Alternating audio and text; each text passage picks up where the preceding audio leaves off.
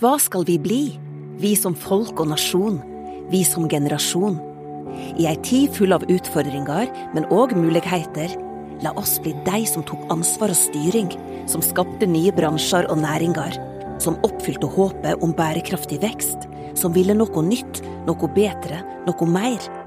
NHH vil noe mer.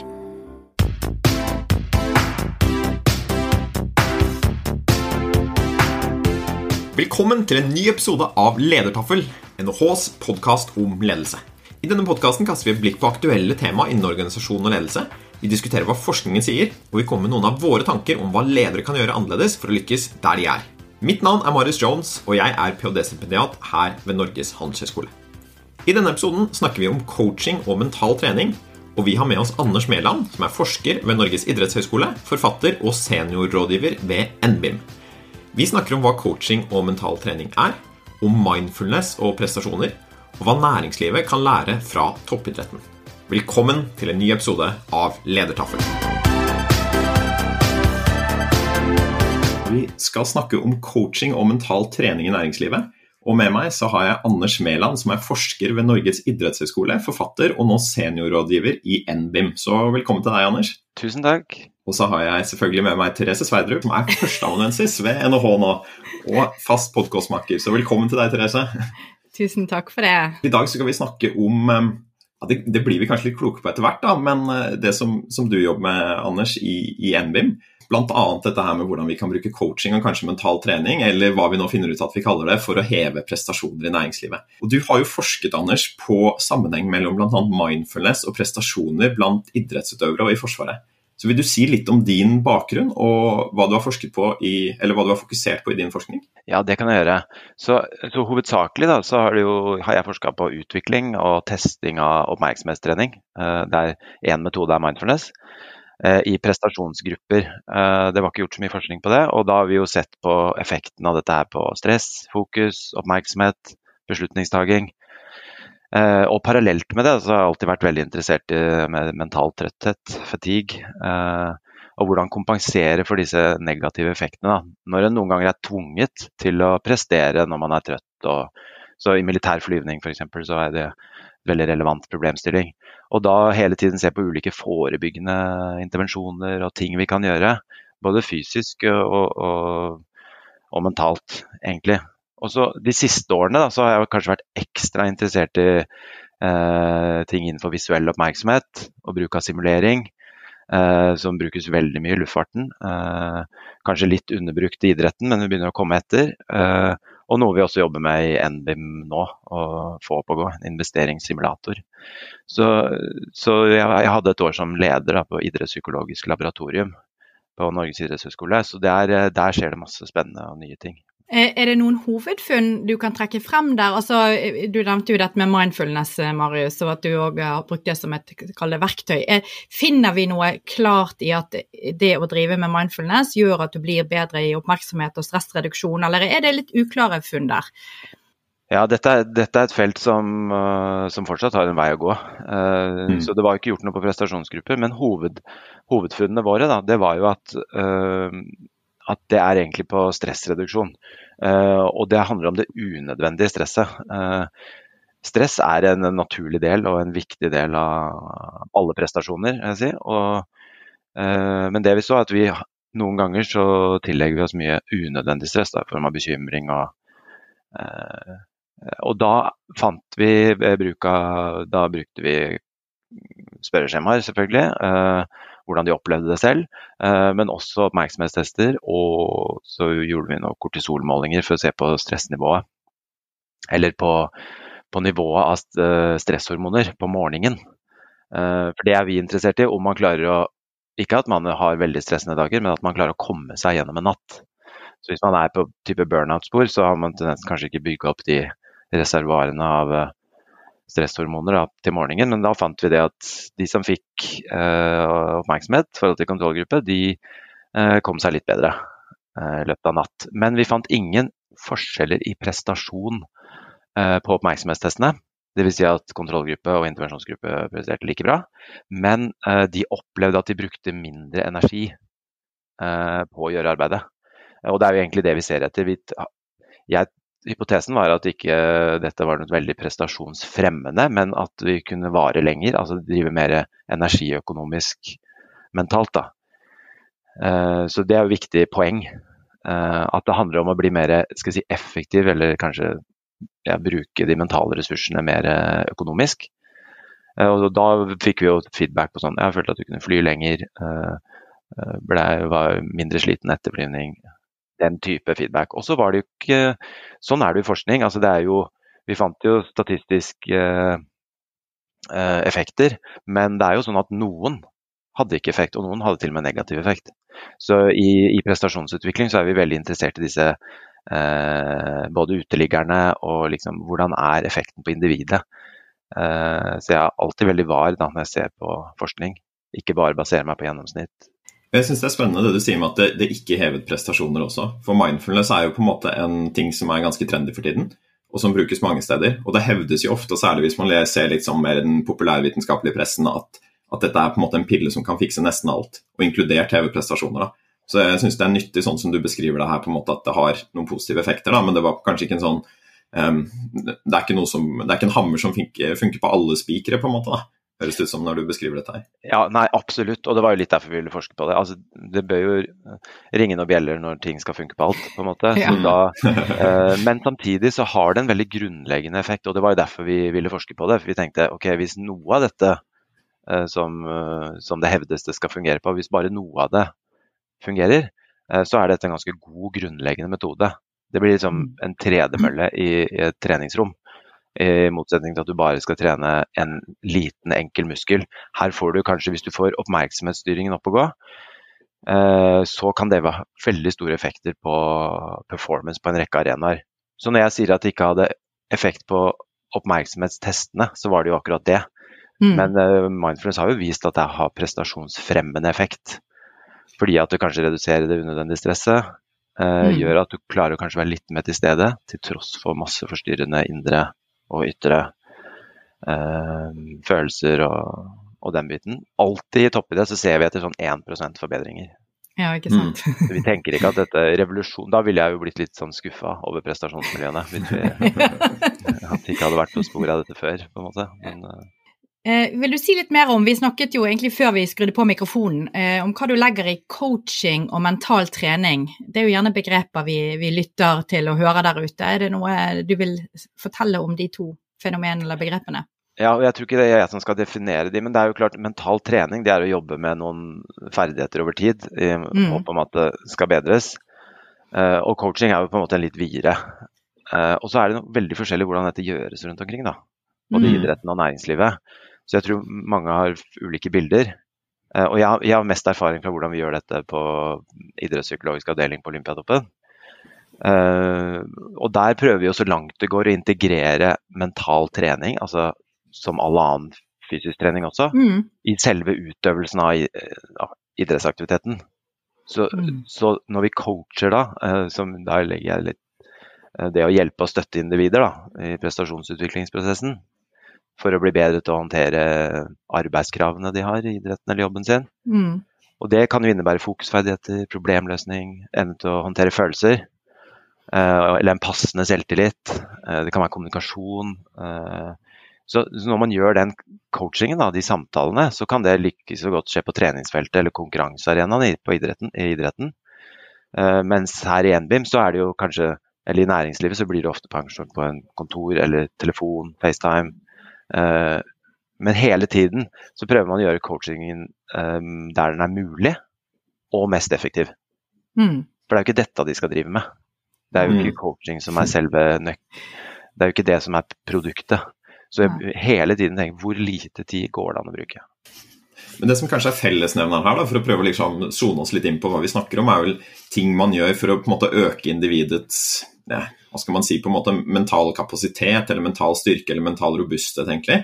Det har jo et sånt, litt sånn individnivåfokus, at det er noe vi gjør på en måte enten ved siden av jobben, kanskje en coaching session, eller i jobben, som gjør at vi blir på en måte litt mer på, eller litt mer uh, robuste, eller litt mer fokuserte på en eller annen måte. da. Og, og, disse type intervensjoner, hvis vi kan kalle det, er jo ofte, det er jo mye omdiskutert hvorvidt det på en måte har en plass i næringslivet eller ikke. Det er kanskje mer åpenbart hvordan dette har en plass i idretten. Men vet vi noe fra forskningen på denne type teknikker, da, som kanskje går i samlebetegnelsen mental trening, på hvorvidt det på en måte har det en effekt? Gir det utslag på en måte prestasjoner i, i den type organisasjoner som, som, de fleste ledere i Norge er i? Ja, og, og, og, Dette er et viktig spørsmål. og Da vil jeg bare stoppe opp litt. For da må man vite hva er det egentlig vi snakker om. Så hoppa vi litt, kanskje litt kjapt over det. Det, det som er grunnlaget i coaching, er jo bevisstgjøring. da, Fordi vi lever sånn ca. halvparten av det våkne livet vårt på autopilot.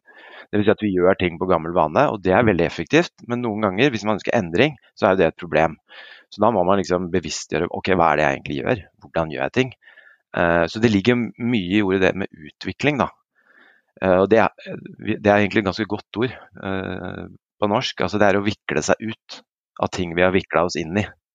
Uh, for det er det, det mennesket gjør. Vi finner en måte å gjøre ting på som funker godt nok, og så fortsetter vi med det. Og så hender det noen ganger at vi ikke ser oss tilbake og ser om var det noen andre måter vi kunne gjort dette på.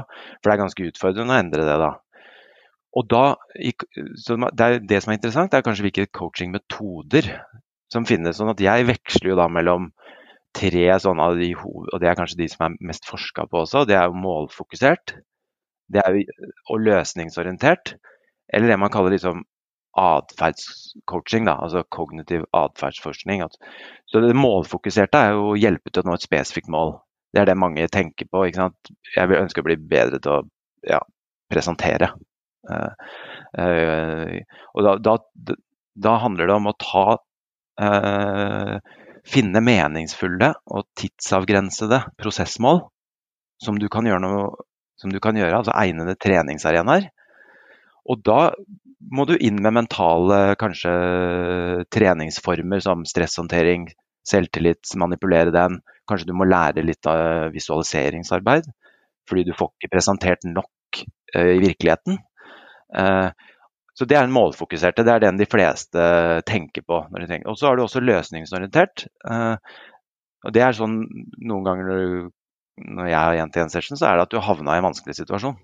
Eller at det har oppstått en endring bytta jobb, andre arbeidsoppgaver. Og da handler det også i stor grad om bevisstgjøring, men også finne en måte å tilpasse seg dette nye, da. 1% forbedring hver dag eller et eller annet. Eh. Og så har du den kognitive atferdscoachingen som, som er inni de to andre, målfokusert og løsningsorientert noen ganger. Da handler det om arbeid med mindset. For, for, for hvordan vi kan styrke mestringsfokus, opprettholde et hensiktsmessig mindset når vi taper penger eller vinner penger, eller um, taper medaljer eller vinner medaljer. Og Det er heller ingen quick fix, fordi mindsettet vi har, det er i stor grad uh, knytta til autopiloten. Så måten vi tenker på, uh, gjør vi på automatikk. Så Derfor handler det også her om å bli visst og deretter om daglig trening. Så coachingen bringer du inn mental trening hele veien. Altså. Som et eksempel, da, så når jeg har vært nervøs når jeg skal presentere, så har jeg liksom begynt å si til meg sjøl at men det er så bra at du er nervøs, Therese, for da har du skjerpet deg. Da, er, da har du skjønt at dette må du ta på alvor. For da bruser kroppen litt, og så eh, skrur du på litt ekstra. Men så hadde ikke du vært nervøs da, så hadde ikke du tatt det seriøst. Så liksom da snakker jeg til meg sjøl. Er det litt sånn eh? Ja, og her må man ta Så jeg tror ikke det er noe én oppskrift for alle. Nei, nei. Da er det noen som, hvis jeg, hvis jeg hadde kommet med det forslaget, ja. Eh, og så hadde ikke det falt. For det er veldig ofte at man kommer med ting som føler, man føler funker på seg selv. Mm. Eh, men da har man jo egentlig, egentlig, ikke funnet ut hva er Så for noen, veldig mange, mm. så handler, det om det. Og da er det kanskje fordi at man har skjønt at den, de nervene får jeg ikke bort. Uh, jeg skulle mm. gjerne ønska det, men jeg har prøvd mange ganger. så da kan jeg like så godt bare akseptere det og bli litt venn med det. Og bruke det til, til noe positivt, da, hvis det er mulig. eller at du bare får erfaring med at Eh, jeg kan presentere godt i alle mulige tilstander. Så jeg trenger egentlig mm. ikke engang å, å si det du sa. Mm. Uh, fordi du har bare Noen er veldig sånn. Altså de har sett det er ingen mm. korrelasjon med hvordan jeg tenker og hvordan jeg presenterer. Mm. Og da var det veldig lett. Da, det var det siste gang de tenkte på det. Uh, så jeg prøver å se etter snarveier på hver uh, og en og tenke at det er ikke noe one size fits all. da. Men på enkelte områder så er det. Hvis du f.eks. har problemer med å konsentrere deg, så får det store konsekvenser på en rekke områder. Så da hender det at man kanskje må jobbe med det. Mm. Men en snarvei for det kan jo være at kanskje personen ikke sover. Ja. da ser jeg etter er det noen løsninger som tilsier at det er ikke noe gærent med fokusmusklene her, det er bare at kanskje det ikke er restituert. eller Mm. Eh, Så Derfor så er jo coachingen viktig, ikke bare med å komme med å lese seg opp på mental trening. Da. Hvor langt er, eh, er, disse tingene her fra det som på en måte skjer i et sånt uh, terapirom, eller et standard på en måte psykologi? Fordi Det høres ut som ganske mye av dette her ligner på det samme. At problemene kanskje er det samme, at man har på en måte noen tankemønstre eller noen følelser som man på en måte syns er litt strevsomme, da, og som kommer i veien for um, enten trivsel eller prestasjoner eller noe sånt.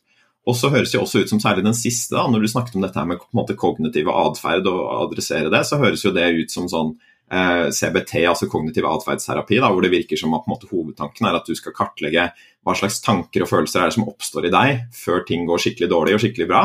Sånn at du på en måte kan prøve å, å tenke om er det andre tanker eller andre følelser som på en måte hadde vært mer konstruktive for meg da, hvis jeg skal enten ha det fint eller eh, klare å på en måte eh, oppføre meg ålreit overfor kona mi, eller på en måte prestere på jobb. Da. Så, så, ligger dette her på en måte tett på det som man tenker på som mer sånn vanlig psykologi.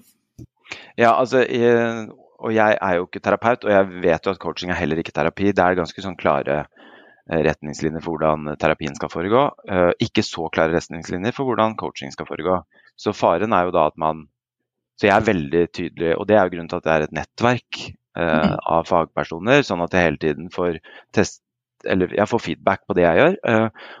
Og hvor er statusen på feltet? hva vet vi? Hva... Men coaching trekker jo fra veldig mange andre felt. det kan vi kanskje si litt om etterpå. Men det er ikke en sånn, altså Til terapien, da, så er det jo et eksempel da, er jo at man har jo veldig Eh, det med empati, eh, prosessen. Det er veldig klare retningslinjer på hvordan det skal foregå. I coaching tenker man mye mer tidseffektivt, hvis det er mulig. Mm. Eh, så man hopper over en Det er veldig mye viktigere å være målfokusert, men så må du også sørge for å ha nok empati, autonomi, mm. de tingene som også er, er viktige i mm. terapien. da. Mm. Men, men, du spurte om dette med forskning. Mm. og det tror jeg det er litt viktig. Uh, det vet vi jo. ikke sant? Altså hvis, de, hvis ting ikke er forskningsbasert, uh, så er det ikke bare det at du skal ha stempelet, men, men det, gjør at hvis feltet er litt sånn uh, ungt, eller uh, kanskje metodikken er litt sløv, uh, så, så, vet man bare f.eks. at coaching fungerer. Nå er det jo sånn 500 publikasjoner i året på coaching. Mm. På 2000-tallet, da jeg begynte å kikke på det her, så var det kanskje sånn fem så nå kan du jo se på metaanalyser. Funker dette? Uh, og det funker. Og da løper du inn i neste problem. Hvorfor fungerer det? Mm. Fordi at disse, disse coachingprogrammene er veldig forskjellige. Og det skal de være, etter min mening. Mm. For du må tilpasse det gruppen. Så det vil si at hvis du baserer deg på ett program Ja, men coaching fungerer jo, så nå gjør jeg det sånn, men jeg gjør det på en litt annen måte. Da begynner det å bli farlig, for da vet man jo ikke helt hvilke grenser tok jeg ut, og hvordan virker disse sammen. Så du må ha forskning på at det funker, og coaching viser at det funker på måloppnåelse, robusthet, problemfokusert tenkning, selvinnsikt, transformasjonsledelse. Ja, og så alle disse trivsel- og quality of life-målingene, da. Eh, men det er mindre på hvorfor ting funker. Og da må vi trekke på en rekke andre fagfelt, da. Det meste av tiden bruker jeg å se på atferdsvitenskap, på en måte, organisasjon mm. og managementlitteratur nå. Og læring og utvikling må alltid ha i bakhodet.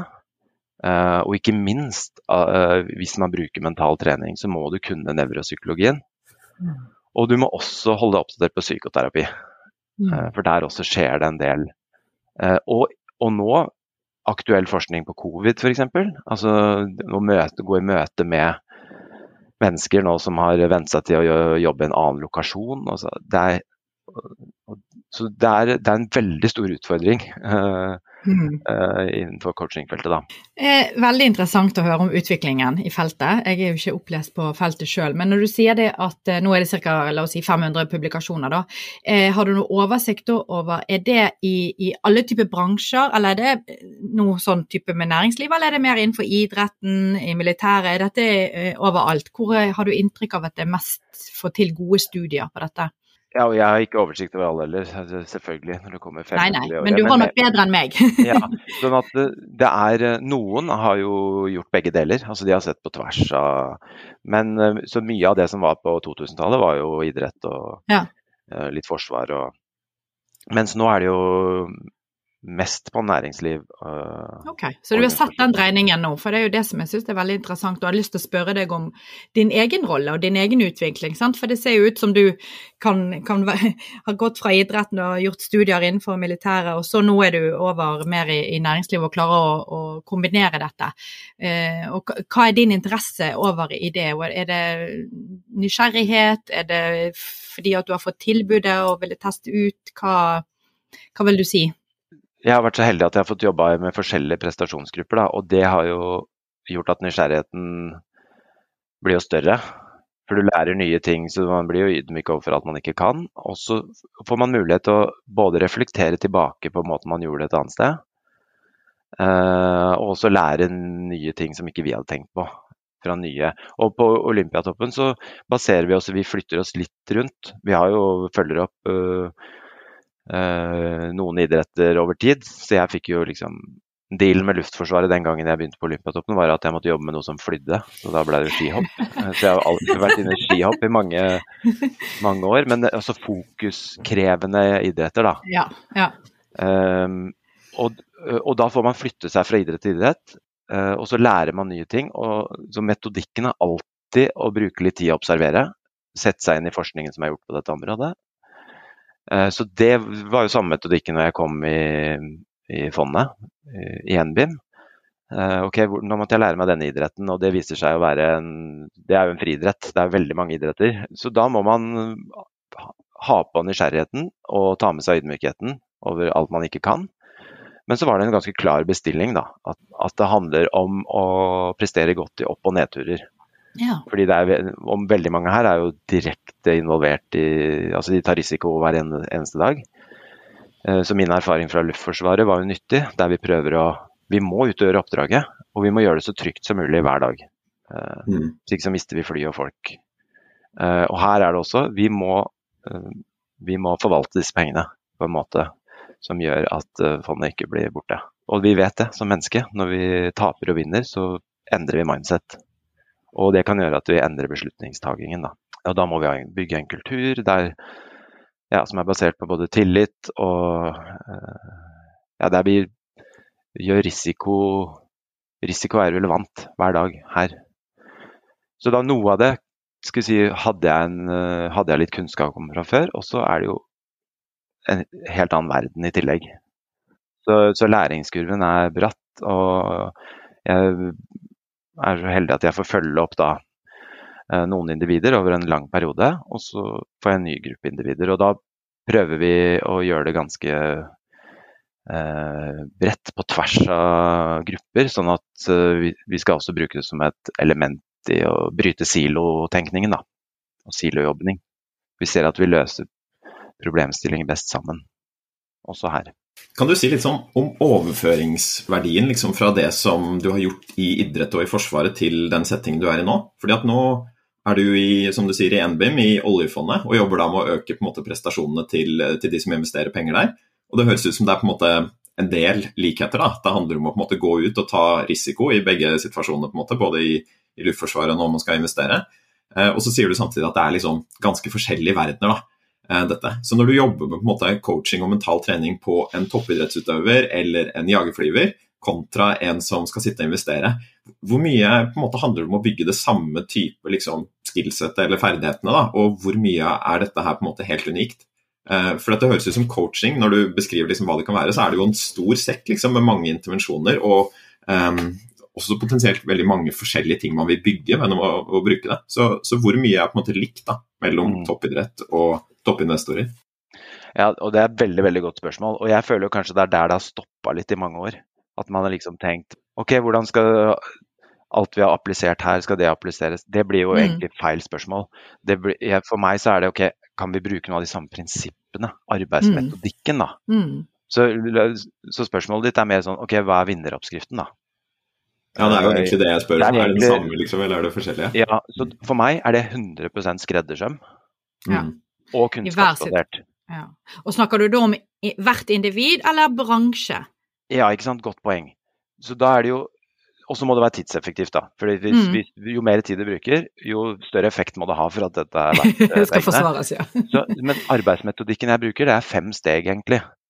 Og det, og det har blitt tydelig gjennom alle årene jeg har jobba. Så det første jeg må gjøre, det handler om mennesket i bunnen. Du må sikre fundamentet. Altså må, nå er det sånn du må vaske hendene så du ikke blir syk. Så må du pusse tenner, og så må du sove OK. Og så må du ha noen sånne charging stations. Du må ha noe som gjør at du kan lade opp hvis du har en ganske røff jobb. Eh, og skjermbruk har også blitt en, eh, en, faktor vi må forholde oss til. Eh, forskningen viser litt Men jeg, da prøver jeg å se hva, hvordan treffer dette individet. Og så må du jo kartlegge hva er de avgjørende mentale og menneskelige ferdighetene for å gjøre jobben din bra.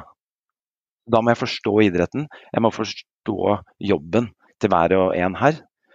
Hva er Og dette er ikke alltid et spørsmål som har blitt stilt av individene. Så noen ganger så må man tenke seg om.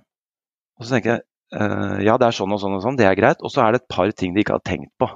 Som kanskje har utvikla seg til å bli viktig i den jobben, for jobben har kanskje endret seg. Og så kommer neste trinn. Du må prioritere hvilke av disse du bør og ønsker å utvikle. Eh, fordi at det, Og, og fram til her så er det jo helt likt. Det er helt likt, i, vil jeg si, da. Eh, uansett hvor man er, så lenge det er mennesker man har med å gjøre.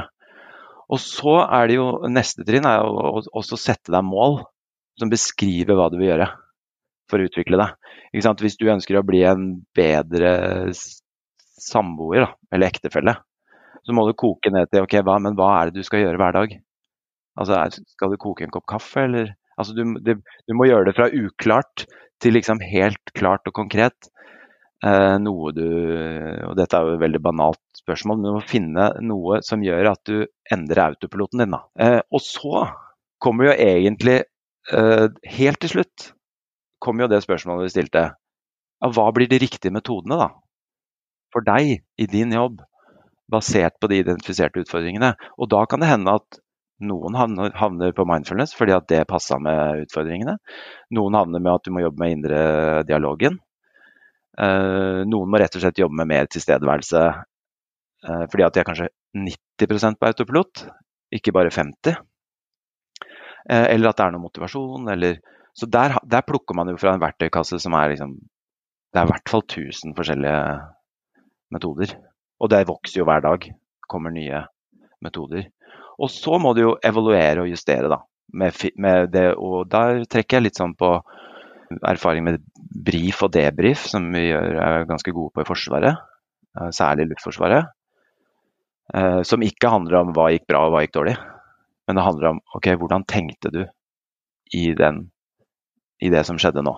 For man blir så opptatt av resultatet, men ikke hva var det egentlig Altså hvilket mindset hadde du på deg i denne uh, Så da, da, må man liksom øve litt på det, da. Så jeg føler jo at arbeidsmetodikken er lik, men, eh, men, hva, eh, men, hva, man snakker om er jo helt forskjellig. Du kan ikke ha den samme foredraget eller leksjonen her som i ja, så dette var et veldig langt svar på en, Nei, men jeg syns det var veldig spennende, for det, det gjør jeg også så veldig ydmyk til hele fenomenet. Jeg, jeg synes jo ofte, Hvis vi har hørt om coaching som sånn Nå har jeg utdannet meg til coach, og så har det vært litt sånn omdiskutert, syns jeg, eh, noen steder med, med, hva type stempel det har fått, den utdanningen osv. Så, videre. så jeg syns det var veldig nyttig å høre egentlig det jeg vil oppsummere med det, er jo å si det at dette er jo krevende fordi at du går inn i en én-til-én-relasjon med en person, og uansett om du da er i idretten eller i næringslivet, så må det kartlegges. Og det må være gjennom den dialogen, så det er ingen quick fix. Fordi at det skal jo skreddersys, skal du ha en god utvikling. Og, og så er det jo, jeg vil jo tro òg, du som har sittet i disse samtalene, bare det å få folk ut av autopilotmodus og evne å ta det vi kaller mentalisering, og, og, og, og klare å reflektere og se seg sjøl utenfra og ned, bare det må jo òg for noen være krevende, vil jeg tro. Hvis du, du snakket i sted om de som er på 90% autopilot, vil jeg tro at bare der må man så, så, dette ser jeg, som du sier, hvis man skal virkelig bruke tid på dette, så skal det ha en payoff i andre enden. Og når vi vet at vi det er krevende å finne gode resultater, så er det jo en risiko ved å, å investere i dette. Og så er det jo noen ganger så går det jo veldig fort. Eh, det blir sånn ja, men coaching tar for mye tid. Eh, det vet man ikke alltid heller. Det er noen ganger at uh, det er et, kanskje et veldig stort savn nå hos noen. At de ikke ja. har fått Så bare det hvis man ikke har hatt eh, noe sit-down eller stoppa opp og reflektert, eh, så er det jo veldig mange lavthengende frukter. Sånn at man får jo mm. kanskje enorm effekt i begynnelsen, da. Men jeg selger jo ikke inn det, altså, for det Nei. aner man ikke. Eh, Så det er jo mer sånn supert. Dette, var jo, dette traff jo. Mm. Eh, Andre ganger så må man kanskje gå rundt grøten og prøve å finne ut altså Vektreduksjon f.eks., som er sånn eh? Der er det jo gjort masse Hvis man finner ut at man veier for mye, og så skal man ned, og så gjør man det bare med, med will, willpower, da. Ja. Så ser man jo det at da spretter man jo tilbake. Mm. Så det er jo litt sånn å finne hvordan kan ditt liv sånn endre seg uten at du trenger å liksom tenke eh, at nå må jeg virkelig skjerpe meg hver dag for å få dette til å så, så det er, ja, en altså, god sammenligning. Smart, Mm. smart måte å gjøre det på, da. Kan vi si litt om de intervensjonene, eller intervensjoner som du på en måte kommer tilbake til og finner nyttige for mange? For det høres ut som at altså, hvilke metoder du bruker, da, om det er mindfulness eller om jeg vet ikke om det er å øke viljestyrke, avhenger av hvilket problem man skal løse. Så det høres ut som det er mye skreddersøm der. Men er det noen intervensjoner som du finner at på en måte funker igjen og igjen, eller som ofte brukes? Eventuelt vil du på en måte bare si litt om den verktøykassa du har, da, som du bruker når du eh, er rundt i MBIM og hjelper eh, toppinvestorer å bli enda litt bedre? Veldig bra spørsmål. Og sånn jeg jobber, jeg prøver jo først å finne eh, løsning i situasjonen. Tenke at Mm. ok, her har Kanskje det er sånn at individet har alt han trenger, men det er bare at måten har stacka dagen på. F.eks. la oss si at fokus, da. Kan, kan du komme altså, jeg, jeg ser bare at fokuset mitt eh, går i feil retning. Eh, klarer ikke å fordype meg lenger. Da er jo første jeg prøver å tenke da Ok, da går jeg til nevropsykologien. Uh, vi vet det at uh, verdensrekorden i å holde fokus er sånn 16 sekunder. Så ut fra det han beskriver her, så er han som alle andre mennesker. Uh, men ok, uh, blir mer og mer fra fragmentert eh, underveis i løpet av en dag. Eh, så da jo, tar du pauser. Sant? Hvordan, eh, eller når gjør du hva? Mm. Eh, Sparer du liksom alle de krevende tingene til seint på dagen når du, når du allerede har brukt opp mye av energien? Så prøver vi egentlig å finne løsninger og prøve å få de ut av den autopiloten. Da, da er det en snarvei. Men Mm. noen ganger så er det sånn Ja, nei, jeg er helt enig. Her har du nok kanskje trent på en måte i din arbeidsdag og hjemme som har gjort at du faktisk har blitt litt dårligere til å fokusere. Da går man Da må jeg bite i det sure eplet og tenke ok, nå må du faktisk trene litt fokustrening. Mm. Eh, Da kan mindfulness være én ting, og grunnen til at jeg bruker den, er at den er lett å lære. Altså Du kan bare bruke F.eks. hvis du er dårlig til å fokusere, da må du utfordre fokusferdighetene dine. Dvs. Si du må utsette deg for situasjoner der det er vanskelig å konsentrere seg. Og hvis du bruker pusten, som er monoton, kjedelig, så øker du sjansen for å miste fokus. da. Mm. Du må hente deg inn igjen. Og samtidig, når du sitter med lukkede øyne og ikke skal gjøre noen ting, så har du også en tendens til å kanskje dømme Hvis du kjenner deg stressa, kjenner du har vondt her, så får du masse tanker om at liksom skulle ønske verden annerledes. Så da får du masse trening til bare å erkjenne virkeligheten sånn som man er, da, som er en grunnleggende ferdighet i prestasjonsmiljøer.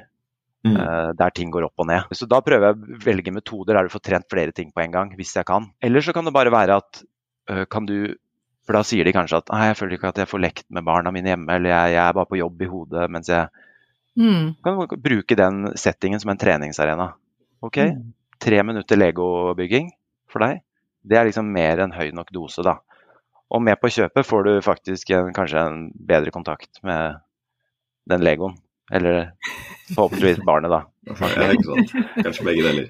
Ja, så, så, det, så det beskriver jo bare at da bruker prinsippene, og så kanskje vi finner ut underveis her hører jeg liksom, her er det veldig lite konstruktiv indre dialog, som kanskje ikke er merka sjøl. Og da, da jobber man litt med det, da. Er det alternative måter å tenke på? Og de aller fleste trenger bare en litt sånn reminder at ja, jeg har blitt en person som ser glasset som halvfullt, ikke Nei, halvtomt, ikke halvfullt. Mm. Mm. Eh, så, så da finner vi noen måter som, som kan trigge at du kommer på at nå er jeg kanskje lite konstruktiv. Mm. Jeg har en tendens til å trekke meg sjøl ned. Ikke, det er ikke bare omgivelsene, men det er også meg sjøl, da. Jeg får jo noen refleksjoner til. Vi har hatt en episode tidligere der vi har berørt litt av dette med, med mindfulness, og en som heter Per Einar Binder, vet ikke om du kjenner til han, men Mm. eh, han snakker om dette med selvmedfølelse. Altså at vi mennesker har denne indre kritikeren, og det fikk meg til å minne om når du snakker om den indre dialogen, at vi du beskriver en indre kritiker, egentlig, at du har gått over i et mønster der du snakker slemt til deg selv, istedenfor at du snakker til deg selv som en venn, som egentlig er det man gjør i selvmedfølelse. Er det noe du eh, har med deg i dette? Ja. Og så er jeg alltid litt forsiktig, for det er sånn når man begynner å snakke til seg selv, så er det jo noen som bare har fått det for seg at de, altså det er som å ljuge til seg sjøl. Du prøver å lure hjernen. Ja. Eh, Så noen ganger så handler det faktisk bare om å være og se nøye på uh, hvilken dialog du har med deg selv. Mm. Uten å egentlig gå inn og prøve å endre den. For etter hvert, når man begynner å se på det, så skjønner man selv etter hvert at At det dette var var jo unødvendig. Og, og noen ganger så er det jo at han har ligget der at man har, man har begynt å bli redd for det nå. Så hver gang han kommer, så er det sånn Å, nei, jeg må ikke tenke sånn. Så du Mm. egentlig gir signaler til nervesystemet at oi, dette er jo viktig. Og da blir jo de trygga og blir større og større. Så Mm. det er noen ganger at oi, der kom de tankene, ja. Ja, men det er jo. Så, Så så, så ja, det er metoden i mindfulness, men det er Mm. også bare sånn Jøss, der kom den igjen. Eh, Og prøve å bringe kanskje pust og, og ro. Det går fint. Og da etter hvert kanskje får man den lille avstanden da, til at tanken er ikke meg. Jeg, kan, jeg er faktisk en som kan observere at jeg har den tanken. Mens tidligere var det sånn at tanken tok over hele kontrollsystemet. da. Mm. Samme som at jeg er sint. Det vil si at hele deg er liksom sinne. Og Mm. da er det ikke så lett å komme seg ut av det. Men hvis du liksom kan se at oi, nå, nå kommer det noe sinne snikende på her, eh, så har du, er, står du mer i en valgsituasjon da. Men dette blir jo bare ord. Dette er jo noe man gjennom eh, eh, kan erfare, da. Så må man jo Ja. høre hvordan hver og en opplever det. Litt eh, nerdete spørsmål fra meg her, da, som er opptatt av, av følelser. Jeg både forsker på det og kommer nå fra en uke på kurs i emosjonsfokusert terapi, som, som jeg jobber en del med nå. Oi. Um, det høres ut som en del av teknikkene dine tar veldig utgangspunkt i tanker. Og at det å på en måte adressere tanker er måten å gå frem på, på en måte for å skape atferdsendring. Så dette med indre dialog så kan man jo angripe på en måte på et sånt sånn mindfulness-nivå, altså bare på en måte erkjenne dialogen. Eller du kan gå inn mer som man holder på i kognitiv terapi, hvor man prøver aktivt å endre dialogen. Og så har du mer den emosjonsfokuserte tilnærmingen, som handler om å på en måte prøve å forstå hvilke følelser som ligger bak og driver dette. Eh, og da kan man jo også kanskje ha en mer sånn der psykodynamisk inngang, da, hvor man prøver å gå tilbake og finne årsakene til at man oppfører seg sånn som man eh, gjør da, med seg selv. Mm. Så når du jobber med folk, Anders, i, i hvor stor grad prøver du å trekke inn på en måte folks følelsesliv og bli bevisst på følelsene som, som ligger bak og driver det? på en måte? Snakker du da på en måte om skam, på en måte om sinne, om personlig historie knyttet til følelser og, sånn, når, du- når du jobber med disse intervensjonene? Ja, men jeg merker sjøl at jeg bruker ikke så mye Trekker ikke så mye på psykodynamikk, da. Ikke sant? Og at det er Men jeg prøver å få en mest mulig åpen dialog. Mm. Altså, vi er, vi er mennesker med alt det innebærer. Med tanker og følelser og erfaringer og, og ikke minst opplevelser. Så jeg prøver på en måte at alt er relevant informasjon. Og så er det jo Og jeg jobber jo ikke klinisk. Mm. Det vil si at, og, og noen ganger så jeg er ganske sånn bevisst i måten jeg jobber på. At her ser jeg at nå nærmer vi oss en klinisk problemstilling. Da er jeg Mm. veldig kjapp å henvise Mm. videre, da. Mm. Eh, For det er eh, ikke min kompetanse, og det er heller ikke min jobb. Fordi hvis, man, hvis jeg skulle både fiksa veldig dype problemer Mm. og jobba med prestasjonsutvikling, så vil jeg Vi vet det at å, å fikse problemer tar lengre tid. Mm. Det vil si at jeg ville jo brukt veldig mye av min tid på det, da. Så Mm. vi, når vi jobber i team og sånn, eh, på Olympiatoppen f.eks., så har vi noen klinikere. Mm. Eh, Så jeg, ofte så sparer jeg med de. Eh, Nå er jeg usikker her, skal jeg gå videre her? Og da mm. sier de noen ganger det er helt topp det du gjør, fortsett med det. Så tar vi en prat senere. Så, så tilbake til spørsmålet ditt, da. Jeg tar, jeg tar ikke utgangspunkt i verken tanker, følelser eller kroppslige erfaringer, egentlig. Eh, Men de er en del av konteksten. Mm. Det samme som ok, hvor, eh, fortell litt om livet, ikke sant? hvor jeg vet ikke hvor du bor engang. Eh, så får du til å fortelle litt av den profesjonelle reisa, personlige reisa. For jeg har noen ganger hoppa litt lett over de tingene, og så har jeg liksom fem sessions etterpå, så skjønner jeg hvorfor det vi har jobbet med, ikke har fungert. Ja. For det er noen som sitter dypere, da, eller eh, det, det er kanskje en trigger vi har rett og slett forsterka, eller Så jeg jobber jo mye mer sånn løsningsfokusert, mål, hjelper de med å nå de målene de har satt seg. Mens den kognitive atferdsendringen, noen ganger så kommer litt inn i det du Så jeg skulle gjerne vært på det kurset du var på nå. ja. ja det, vi har et veldig spennende paper vi skriver om eh, emosjoner sammen med Marius. Det syns jeg er veldig gøy. Ja, calm, vi kaller det 'Don't calm down', så kan du bare grunne ja. litt på hvorfor det skal være slik. Men jeg, jeg, jeg, blir litt nysgjerrig. Jeg vet ikke om lytterne våre sant? de tenker kanskje nå ok, du har snakket litt om idrett, det er veldig tydelig hva man skal nå, prestere, de som skal fly, og òg i oljefondet. Oi, oi, oi, de skal liksom eh, investere masse penger og tar mye risiko. Hva med de vanlige jobbene, altså, eller hvis det finnes noe slikt som vanlige jobber. Men, men, er det slik at dette kan gjelde for alle typer jobber, eller er det litt sånn at det må være i litt sånn, kall det høypresterte miljøer, at vi kan virkelig se nytten av dette? Jeg vet ikke om du har noen refleksjoner rundt det med ja, bransjer eller jobber?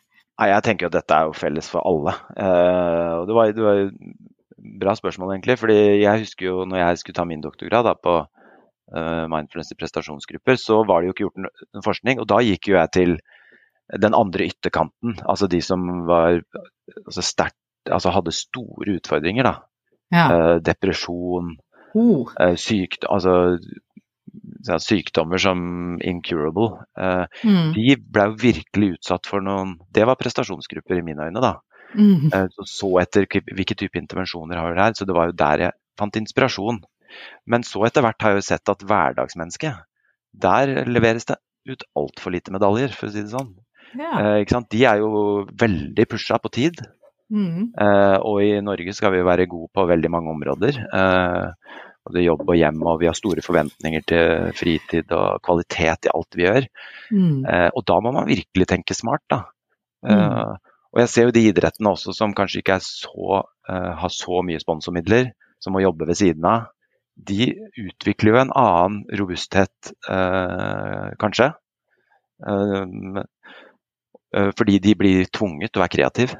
Eh, de må finne gode løsninger på eh, Så jeg tror jo at alle eh, har glede av å se ok, hvordan kan jeg få mest ut av min arbeidsdag.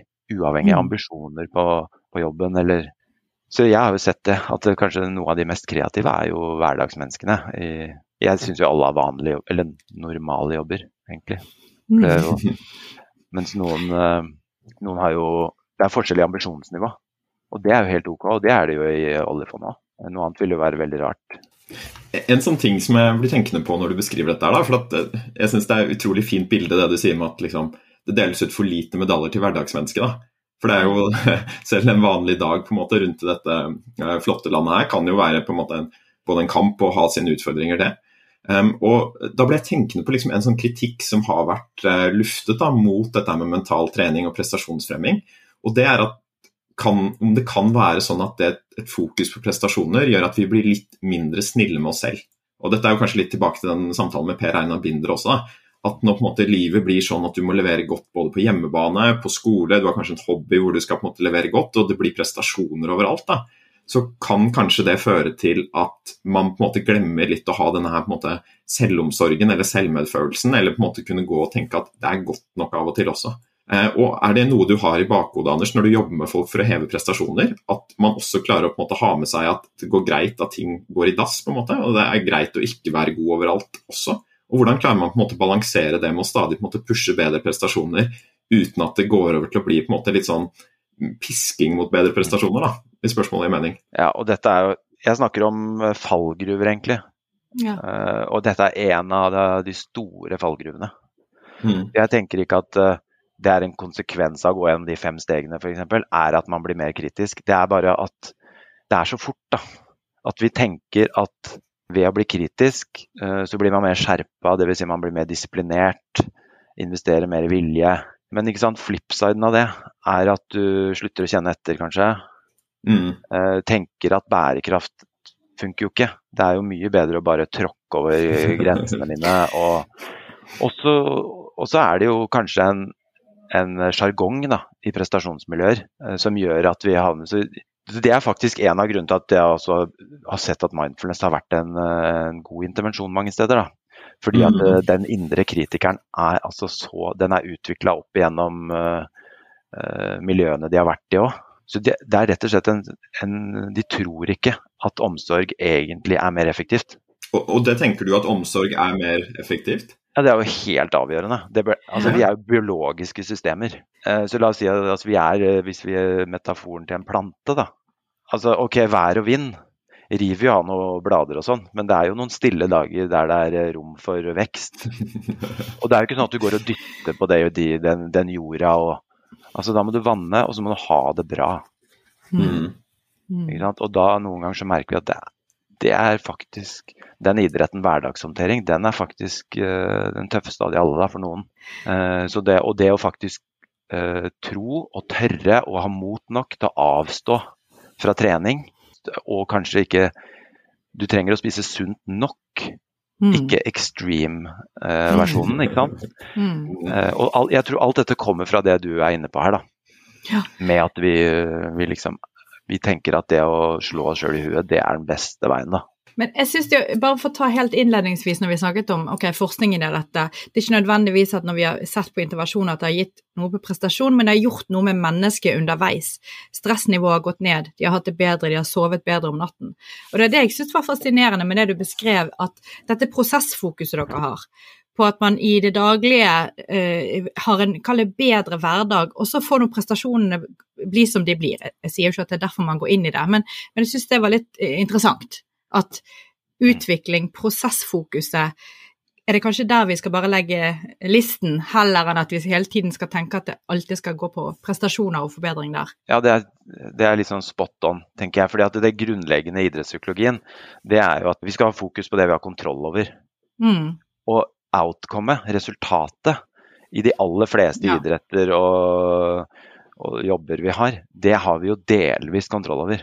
Faktisk ganske lite kontroll. Mm. Og så har du, Men prestasjonen, eh, hvis du har liksom resultatene innad i uh, gruppa og sånn, uh, det er liksom så langt noen er villig til å gå. Der har vi litt mer kontroll, men det er veldig mye vi ikke har kontroll på der heller. Men mindsettet vårt, der kan vi være ganske rå og kritiske mm. til oss mm. sjøl, fordi at mm. det har vi faktisk 100% kontroll over. Så hele tiden, jeg prøver hele tiden å dra Ok, resultatet, det er liksom Det får vi gjøre opp status. Altså hvilken medalje der, det, liksom, det får vi se. Mm. Men liksom, hva er det du gjør hver dag? Uh, hva er kvaliteten i arbeidet ditt? Og hvor bra har du det underveis? Jeg tenker, For å prøve å liksom lande den eh, samtalen her litt, så er det jo nyttig å kanskje snakke litt til de lederne som er målgruppen vår for podkasten, og prøve å si noe om hvordan er det de bør forholde seg til dette her. da. Og Et uh, skille da, man kan tenke seg her, er jo det uh, mellom å begynne å bli litt mer coachen i sitt eget lederskap. Så tenke at man som leder skal være litt mer en coach eller kanskje en mental trener og bruke disse teknikkene med sine medarbeidere eller om man skal prøve å få inn en Anders Mæland på en måte i sin jobb også, da, og ha dette mer som en spesialist som skal uh, jobbe med dette. her. Så Har du noen tanker om det, Anders? Liksom, hva det vi har snakket om i dag er på en måte den jevne leders territorium, og hva er spesialistens territorie? Og hva bør på en måte ledere tenke da, hvis de, skal, uh, hvis de tenker at en del av disse tingene her kan være godt å få inn på sin arbeidsplass? Jeg tror at alle må coache der de er, da. Innenfor mm. sitt domene. Men det er veldig forskjellig å si at du er en coach, og at nå skal jeg mm. coache deg enn å bedrive coaching der, der man er nærmest situasjonen. Man ser jo sine medarbeidere og jeg tenker, Man må, må, ikke være redd for å si at man coacher. Uh, det, er, det er positive assosiasjoner knytta til det. Men så er det jo også sånn, altså hvis du virkelig skal gå inn i coaching, så vi, viser det seg at de som har akademisk bakgrunn i psykologi eller atferdsvitenskap, eller de får bedre effekt enn de uten sånn bakgrunn. Og så er det jo kanskje i store organisasjoner så er det i hvert fall lurt å ha noen som kan monitorere prosessen, da, eller vet For som coach så jobber du veldig selvstendig. Mm. Det vil si at du har, det er begrensa egentlig altså Det er jo taushetsavtale uh, og alt mulig. Sånn at du må ha full tillit mm. til de som går inn. Så, så, jeg mener jo at man må Hvis man sier at man skal ha en coach, så må du i hvert fall sørge for at det har vært en, eh, en prosess. Og også at den personen er kanskje i et nettverk der han får oppdatert kunnskapen sin. og og Derfor så er jo jeg fortsatt i Olympiatoppen også. Fordi vi har ikke noe nettverk i fondet. Og, og, jeg kaller meg heller ikke coach, da. Jeg er rådgiver i prestasjonsutvikling, og, og coaching er en av tingene jeg gjør. Mm. Så det er jo egentlig kvaliteten i rådene mine mm. som er viktigst. Hvis jeg skulle liksom Bottom line, så må jeg ikke slutte å lese forskning. Det er det siste som må ryke, på en måte. Jeg blir nysgjerrig på om du forsker nå på eh, prosessene og alt som skjer i oljefondet? Er det anledning til det, eller blir det bare mer rådgivning? Eh, nå må jeg bruke andre sin forskning. Og, Ja. og det var litt som jeg innleda med, altså å måle effekten av det Human Performance-programmet vi har nå i fondet. Mm. Det vil jo gi begrensa informasjon. Eller det vil gi sånn Mest sannsynlig, da. eh, Så vil det jo vise en eller annen effekt. Mm. eh, Og effekt, noe positiv effekt, og noe Og det får vi gjennom feedback. Vi Mm. driver jo sånn intern Mm. feedback på det.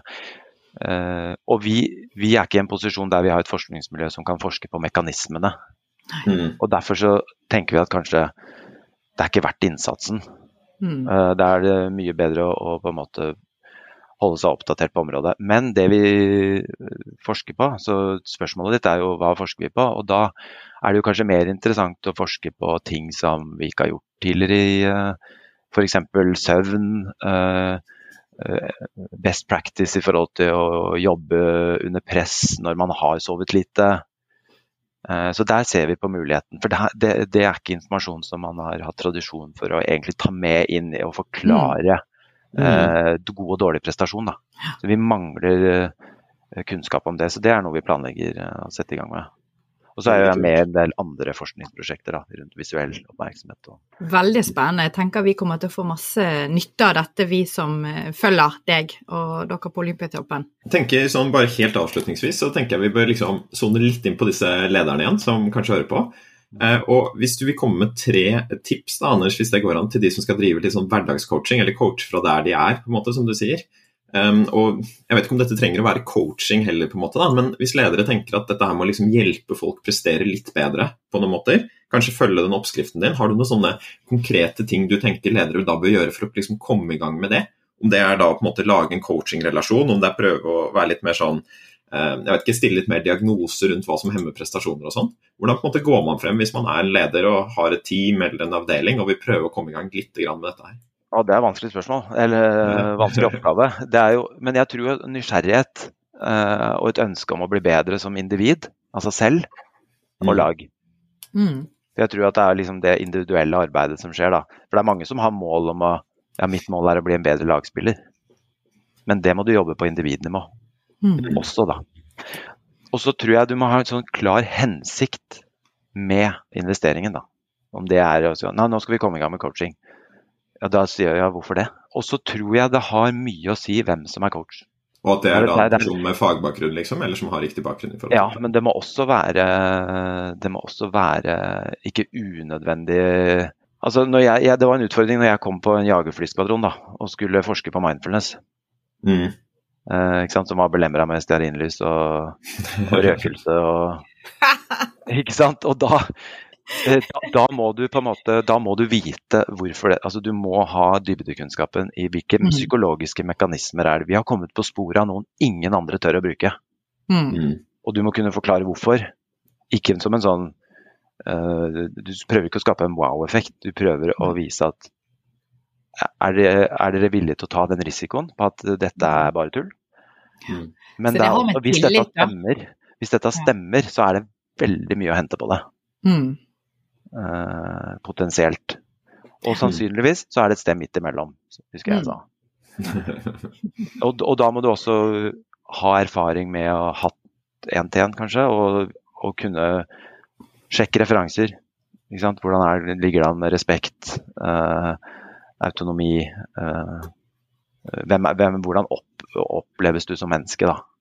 Mm. Så sier ikke jeg at jeg liksom innfrir på alle disse områdene, men jeg var veldig opptatt av at sjekk meg ut før jeg begynner her, for jeg vet jo ikke om jeg passer inn her i det hele tatt. Så det har noe med tillit til deg som person, eh, faget du kommer med, altså eh, troverdigheten.